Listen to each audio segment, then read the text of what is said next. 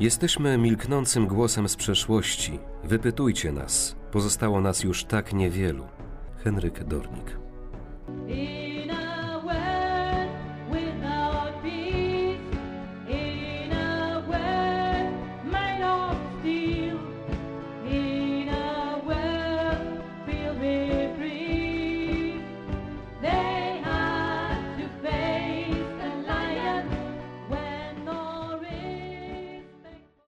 Moim pragnieniem jest utrwalić to wyznanie prawdy, odgrzebane z dawnych popiołów historii, aby choć w pewnej mierze mogło przyczynić się do lepszego zrozumienia postawy świadków Jehowy, którzy byli gotowi zapłacić najwyższą cenę swego życia i okazać miłość do Boga oraz do bliźnich. Wspomnienia. Zamach aliantów.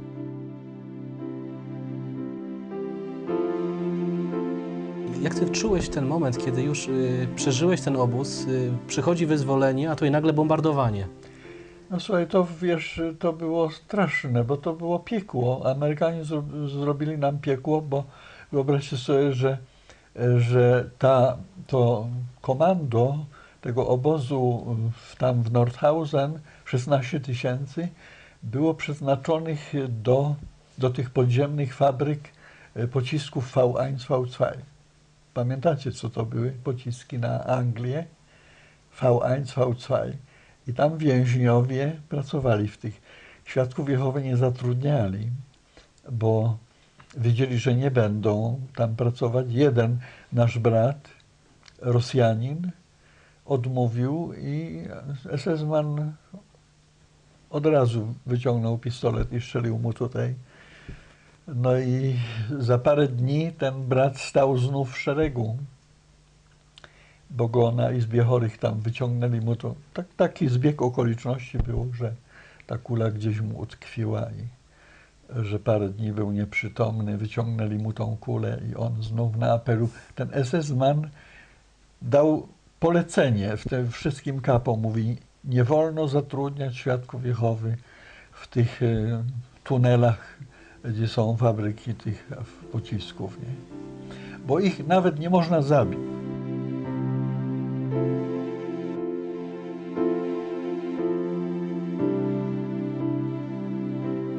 Przypomnij tą sytuację, y, która ci się kojarzy, kiedy patrzysz na to zdjęcie. Żył Czy to dużo. prawda, że Jehowa się nim posłużył, żeby uratować ci Posłużył życie? się nim na pewno, bo słuchaj, to Co się stało? niemożliwe było. Y, Ja byłem pod olbrzymimi, słuchaj, Który to był rok? 45. I co się wtedy stało? No więc y, słuchaj, 1 kwietnia y, lotnictwo y, Zjednoczonych Sił, bo to byli i Mhm, Anglicy, mhm. bo tam były samoloty i Wielkiej Brytanii, Anglii i, i, i Stanów Zjednoczonych. Po prostu oni mieli cel, żeby zniszczyć fabryki, y, które produkowały pociski V1, V, V2. A hitlerowcy sprytnie, sprytnie, y, słuchaj, zbudowali obóz koncentracyjny na terenie właśnie tych fabryk. Z tym, że fabryki były y, pod ziemią, bo one były w górach Harcu. To były sztolnie, olbrzymie takie hale, gdzie się wjeżdżało kilometry w głąb, w głąb tych gór Harcu. I tam były te fabryki pocisków V1 i V2. I Anglicy i Amerykanie mieli za cel zniszczyć to wszystko, ale wokół tego były koszary i nasz obóz Żywe tarcze. łączył się z koszarami SS. Żywe tarcze. Tak, żywe tarcze. I nas było 16 tysięcy, a zostało nas przy życiu paręset osób. I co ci alianci bombardowali to? Bombardowali. Obóz zupełnie zmietli z powierzchni ziemi. Czyli tych więźniów, którzy byli różnych narodowości. No więc pytanie powstało, czy Amerykanie wiedzieli. No, większość, e, większość korespondentów, którzy potem pisali na ten temat, że Amerykanie wiedzieli o tym wszystkim. Musieli wiedzieć. Musieli wiedzieć. Jeśli wiedzieli, co jest pod ziemią, to Tylko, że cena, jest- cena była wysoka. Cena była wysoka, bo chodziło o zniszczenie tak potężnych e, fabryk. I co się stało, jeśli chodzi o ciebie i u tamtego? No więc ja padłem ofiarą, bo wiesz, takie olbrzymie torpedy, oni nazywali to Luftminy. Y, Ja byłem tak głodny i brat Ulik to dzisiaj może jest śmieszne, ale ja mówię, my zostaniemy, bo prawie przywieziono kotły z zupą. Mhm.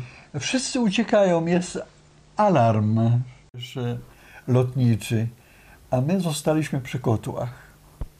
Ja mówię, teraz wszyscy uciekają, my sobie pojemy teraz.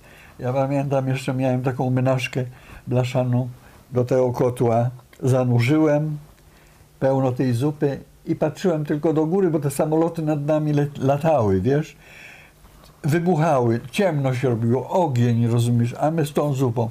W końcu obok nas ściana całej kuchni, to był budynek, się zawaliła, myśmy w kąt, jeszcze został taki, wiesz, kikut tego budynku i ten, ten róg. I ja do, do tego rogu kilku za mną i ja myślałem, że mnie zgniotą, bo jak e, taka torpeda leciała z góry, to ona robiła straszny pisk. Ja mówię, teraz chyba w nas leci. I dopiero wybuch, no znów odetchliśmy, nie? Ale potem już i ta nasza ściana się zawaliła i myśmy upadli na, na tej ulicy. Leżeliśmy na tej ulicy i, i wtedy pamiętam, spadła taka wielka luftmina, może w odległości ode mnie może jakieś 5 metrów czy ileś. Jak ona się wbiła w ziemię, to ona wyrwała taki lej może średnicy 20 metrów. I tak obok te domy leżały, obok ulicy te, te budynki też leciały w powietrze. A brat Ulik został na krawędzi tego leja, Czyli ty razem z tymi budynkami? a ja leciałem do góry. I musiało to być dosyć wysoko, bo trudno mi jest ocenić, ale ja się modliłem modlitwą ostatka. Pamiętam jak dziś, modliłem się i wypowiedziałem może jakieś co najmniej 30 wyrazów tej modlitwy. Potem film już się urwał. Już nic nie wiedziałem potem. Poleżałem zasypany pod tymi olbrzymimi zwałami tamtych płyt betonowych i ziemi. Nie? Byłem poraniony, wylew miałem krwawy wewnątrz i zewnątrz. Skóra moja była zdrapana, taka, oblepiony byłem ziemią, ogłuchłem i do moich uszu się powbijało pełno ostrych odłamków kamieni, cegły i tak dalej, nie? Nic nie słyszałem. Dla mnie wojna się skończyła, cisza, absolutna, totalna cisza.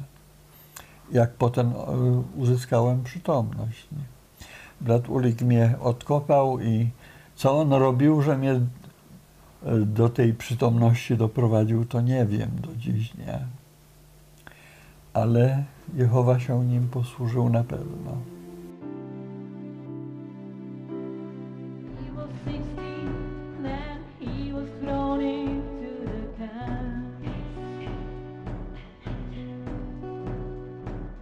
Walking through hell and dirt like an innocent lamb. Many of times he was walking so